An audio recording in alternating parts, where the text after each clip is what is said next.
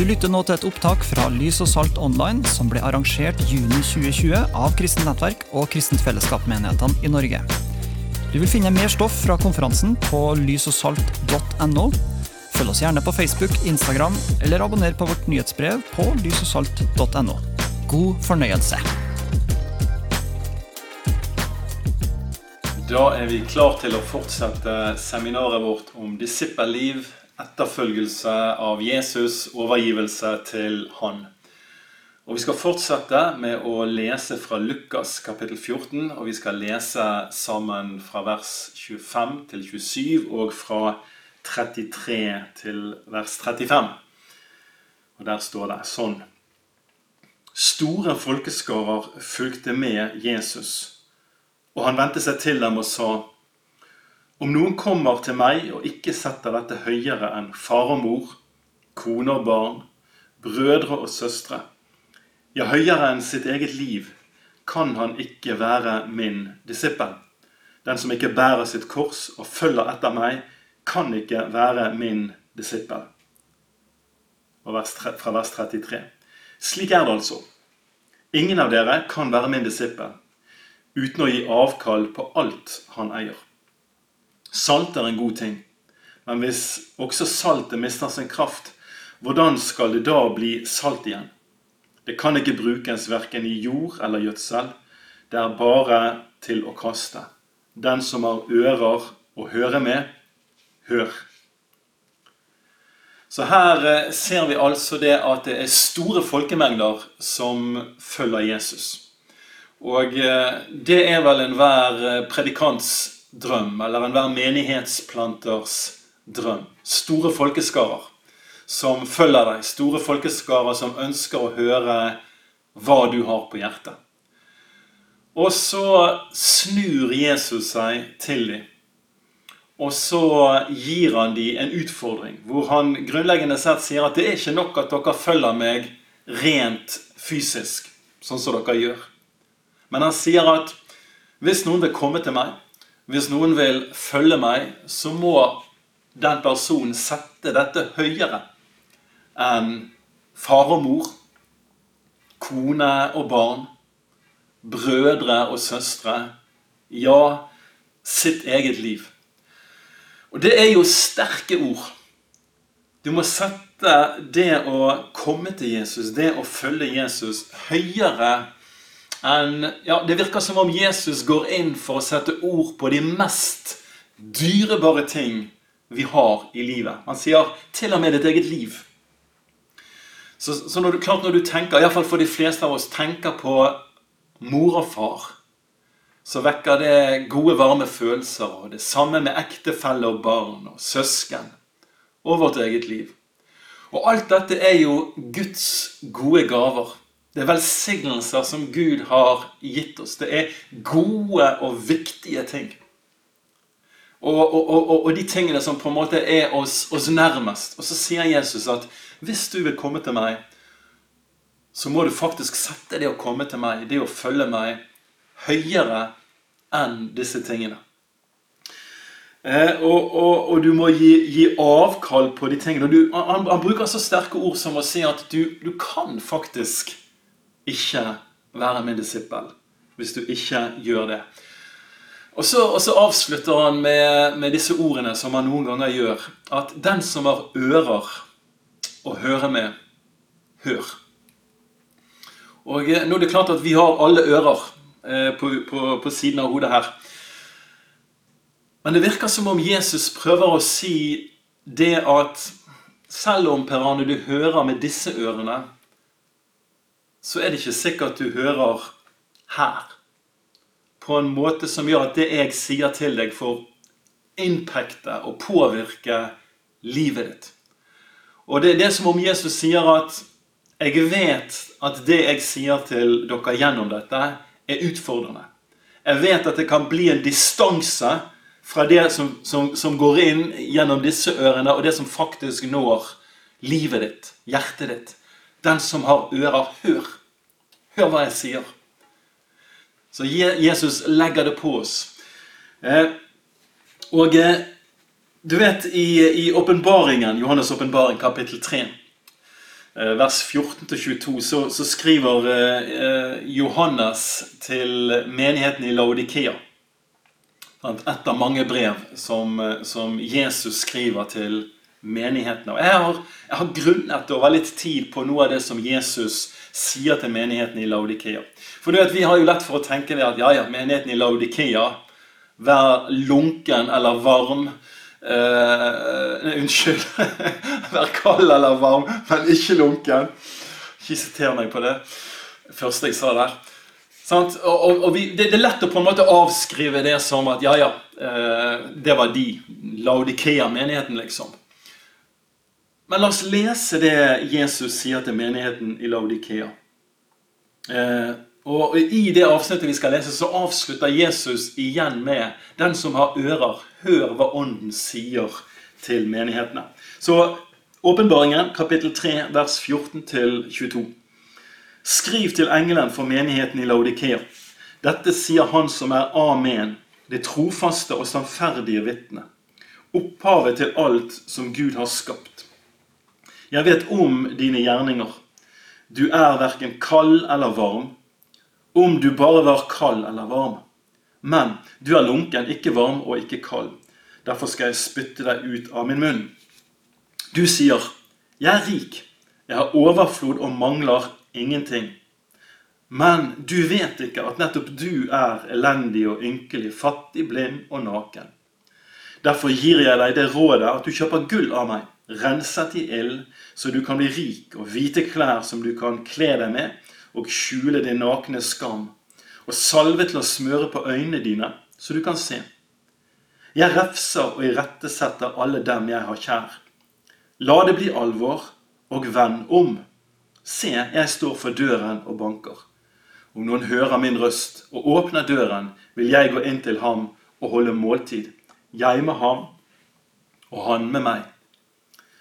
Den som seirer, vil jeg la sitte sammen med meg på min trone slik jeg selv har seiret og satt meg med min far på hans trone.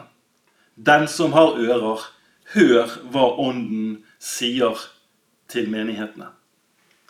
Så her snakker Jesus til menigheten i Laudikea, og så, og så sier han Du sier Jeg er rik. Jeg mangler ingenting.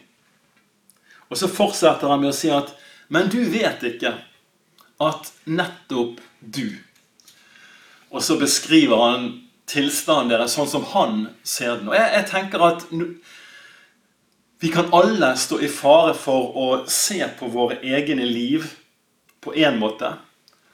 Og så er kanskje Jesu evaluering av mitt liv en annen enn den jeg, jeg sjøl har i mitt eget liv. Og det trenger ikke gå på at jeg er, at jeg er fullstendig lunken og, og nær frafall. Men, men, det kan likevel eh, være områder av livet mitt der jeg ikke ser meg sjøl eh, på en rett måte. Der jeg ikke ser meg sjøl og min egen tilstand og mitt eget hjerte sånn som Gud ser det. Du vet, I salmene så står det det at 'i ditt lys ser vi lys'. Det er egentlig bare i Guds lys. Det er bare når Gud uh, skinner sitt lys ved Den hellige ånd på meg, at jeg kan, kan, se meg selv sånn som jeg egentlig er. Og Derfor er vi så avhengige av å leve i dette fellesskapet med Herren, der Hans lys får skinne inn i livene våre. Så hva er, hva er målestokken min i forhold til min egen vandring? Er det kristne rundt meg? For du vet, når vi, skal, når vi skal, sammenligne, så finner vi jo alltid noen å sammenligne med som, som gjør at vi kommer litt greit ut sjøl. Jeg kan jo tenke det at ja, ja, jeg, jeg er en bibeltroende kristen. Jeg, jeg betaler tiende, jeg taler i tunger, menigheten jeg er en del av, står på Guds ord. Og så kan jeg tenke at ja, ja, det er, noe ganske, det er jo ganske bra. Og, og, alle de tingene der er jo gode ting. Eh, anbefalingsverdige ting. Men så spørs det har jeg likevel noen blindsoner i livet mitt der jeg trenger ører som hører hva Ånden sier til menigheten, og hva Ånden sier til meg. Og Jesus sier til menigheten her i Ladukea, men du vet ikke. Og kanskje er det noen sånne områder i mitt liv der jeg ikke vet, der du ikke vet. Og da, da kommer Jesus i kjærlighet og i godhet. Og så sier han at jeg refser og irettesetter alle dem jeg har kjær. Så, så, Jesus han kommer i sin godhet, og så bringer han inn et, et alvor. Og han refser. Og han irettesetter. Og han er dønn ærlig. Sier hvor listen ligger. Sier hva han ønsker. Og jeg vet ikke, Kanskje du har, har følt på at denne undervisningen i dette seminaret òg har vært eh, noe alvorlig. Men du vet Det er sånn i vandringen med Herren at gleden i Herren er vår styrke. Men det betyr ikke at det ikke er et alvor i det. Det er et alvor i det å følge Jesus. Jesus det er Jesus som sier at hvis vi vil komme til Han og hvis vi vil følge Han, så må vi faktisk sette det høyere enn alle andre ting. Og så sier han at vi må hver dag ta opp korset. Så det er ikke bare en sånn en gang for alle-omvendelse. Men det er faktisk en, et, et, liv i daglig omvendelse. Det er et liv i daglig selvfornektelse.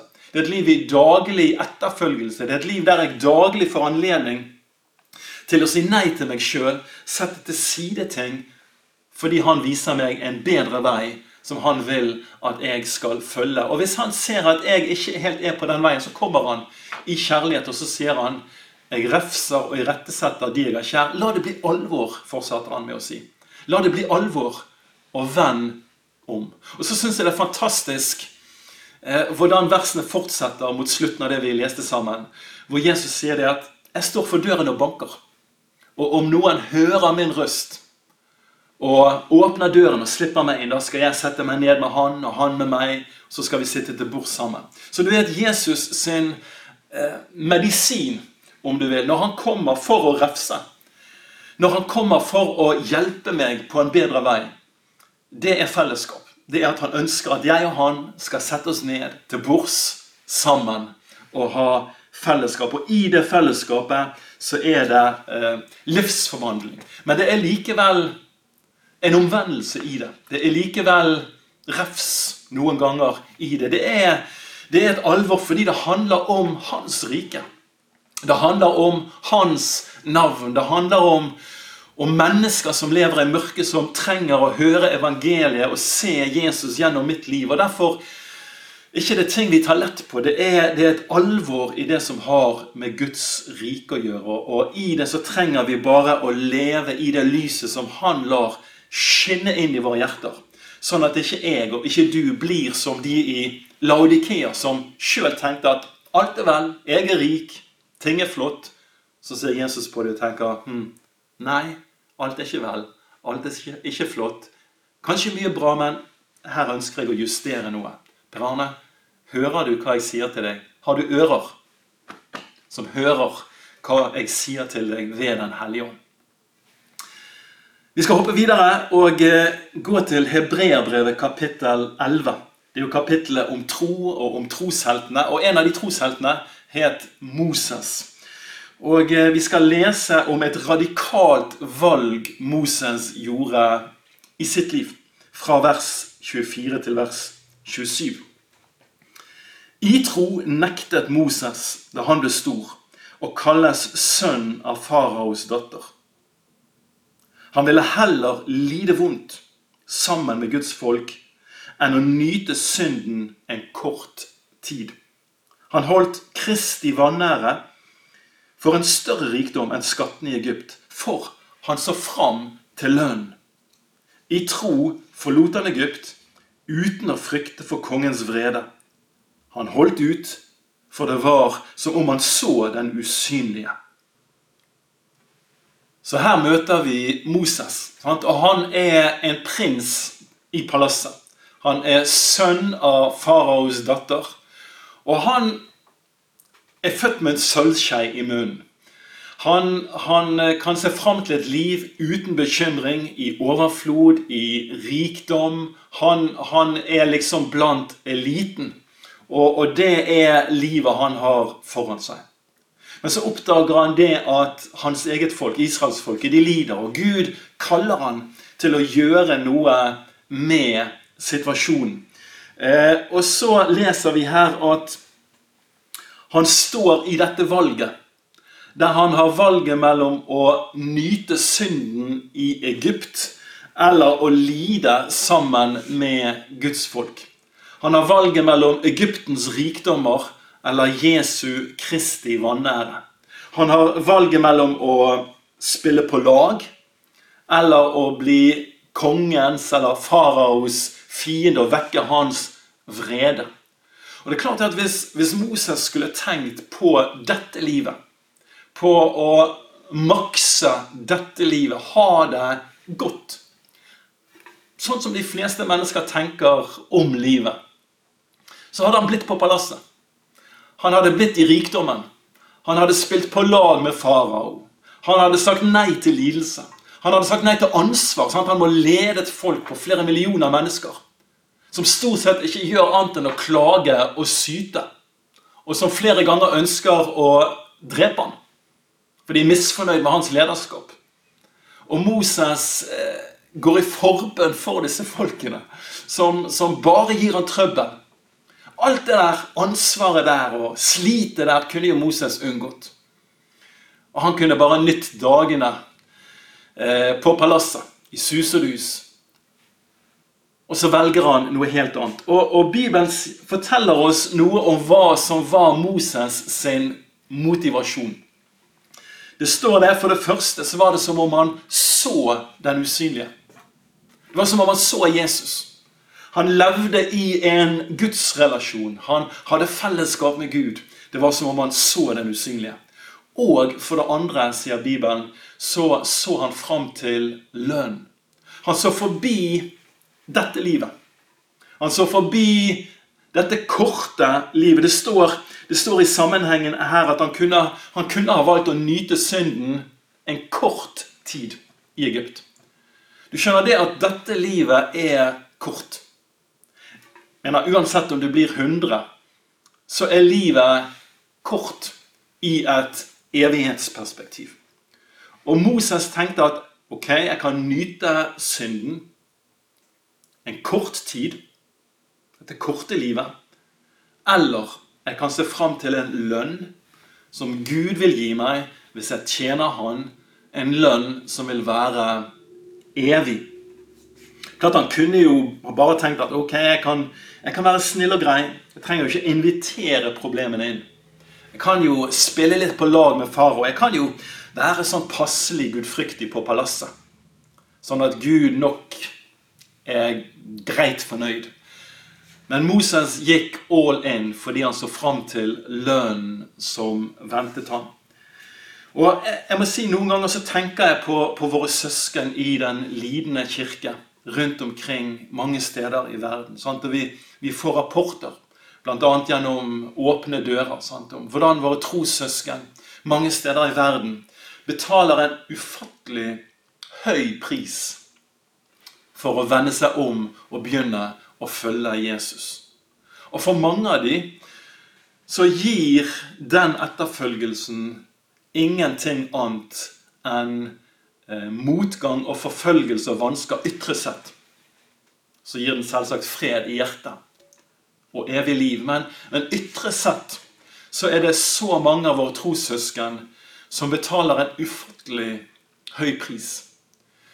Jeg leste nettopp i Åpne dører sitt, eh, sitt månedsblad eh, om, om, en, om, en, pastor som opplevde det at folkene i landsbyen kom bortførte datteren, tenåringsdatter, tok hun med til en øde plass og drepte hun.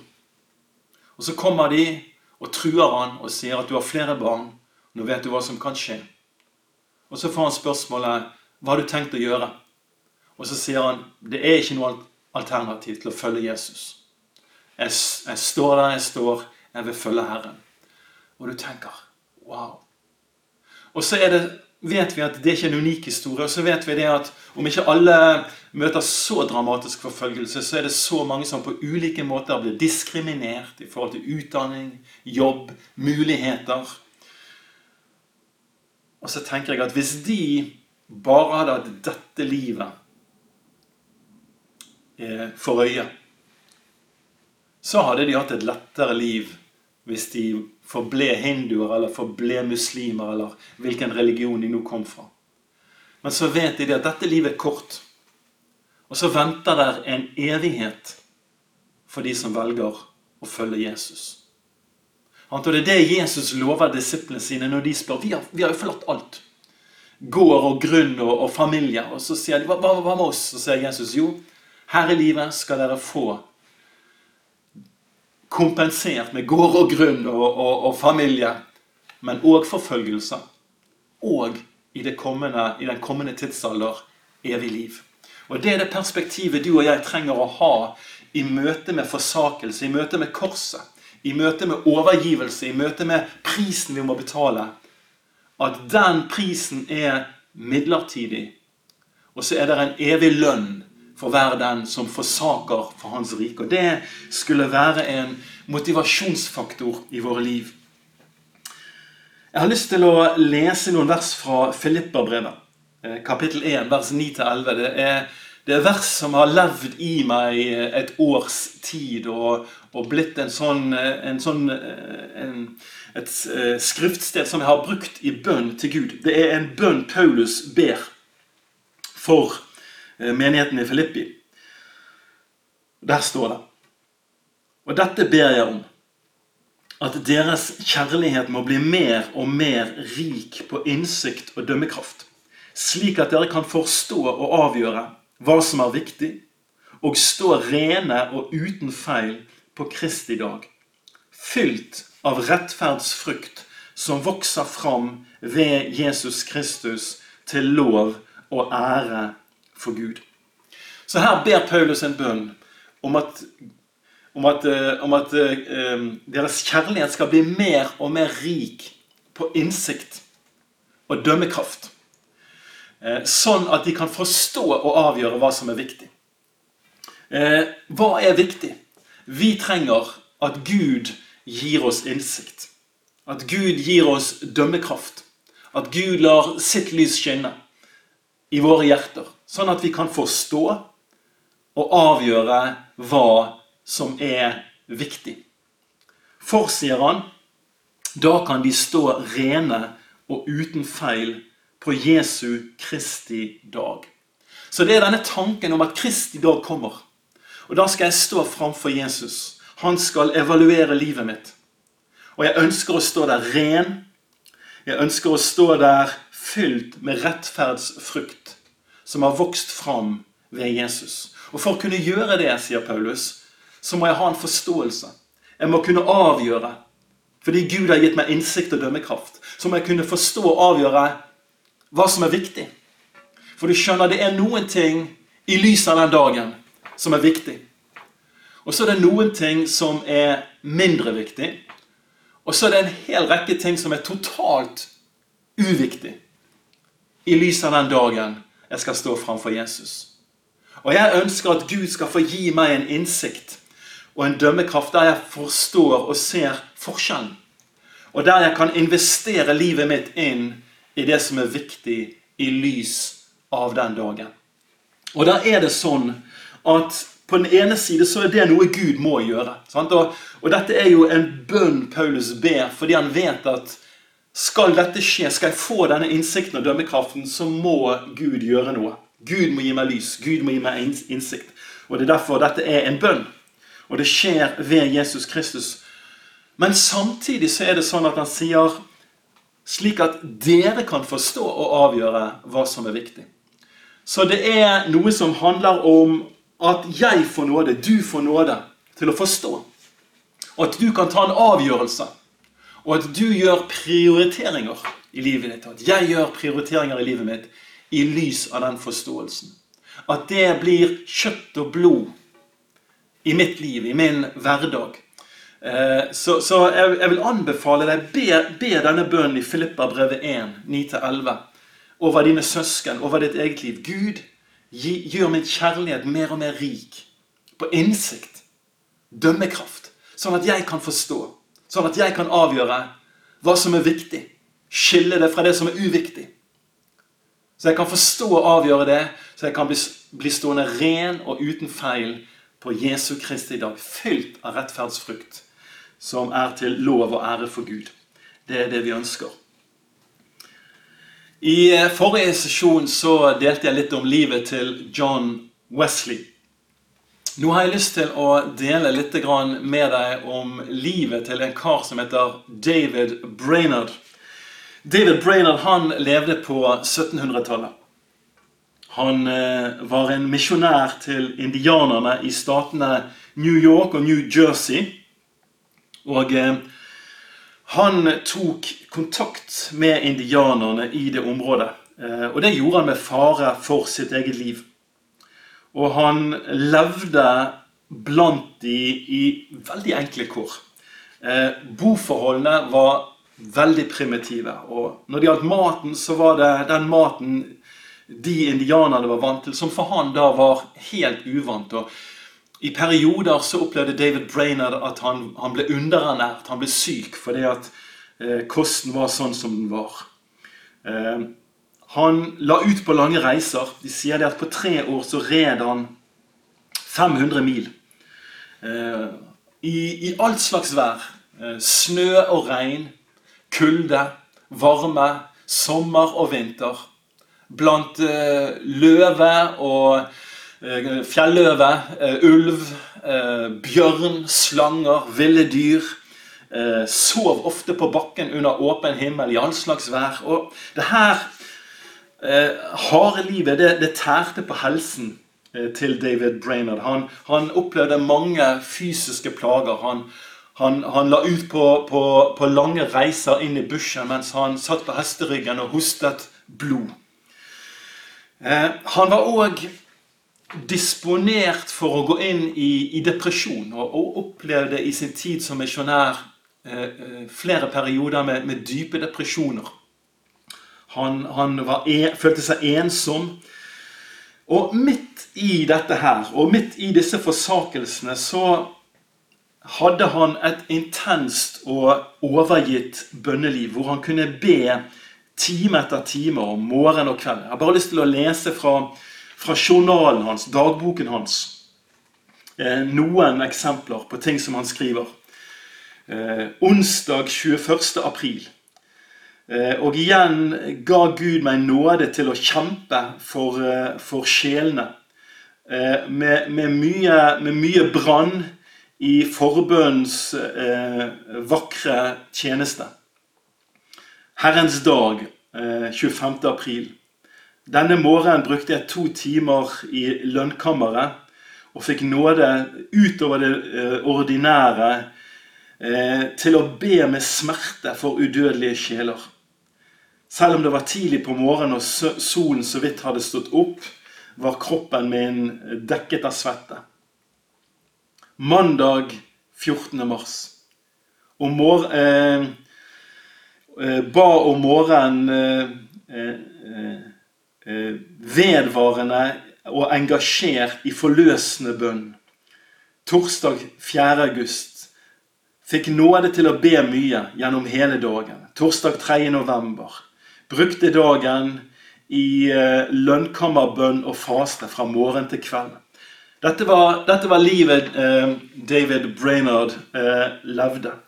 Eh, og gjennom hardt arbeid og gjennom mye bønn, så fikk han se gjennombrudd. Eh, han fikk se flere hundretalls indianere vende om og begynne å følge Jesus. Eh, og det var et, et, verk av Den hellige ånd. Eh, hvor, hvor, hvor, Den hellige ånd brakte dyp, dyp overbevisning, og eh, de som vendte om, de ble bevart for evangeliet. Eh, ryktene begynte å gå om, om, noe av den suksessen han hadde på misjonsmarken. Og det var flere større menigheter som tilbød han å komme til dem og bli pastor for dem. Eh, i, eh, iblant, eh, iblant eh, hans egne. Og David Brainerd han takket nei til alle de tilbudene. Han kjente et kall fra Gud til å leve blant indianerne og til å se de vunnet for evangeliet.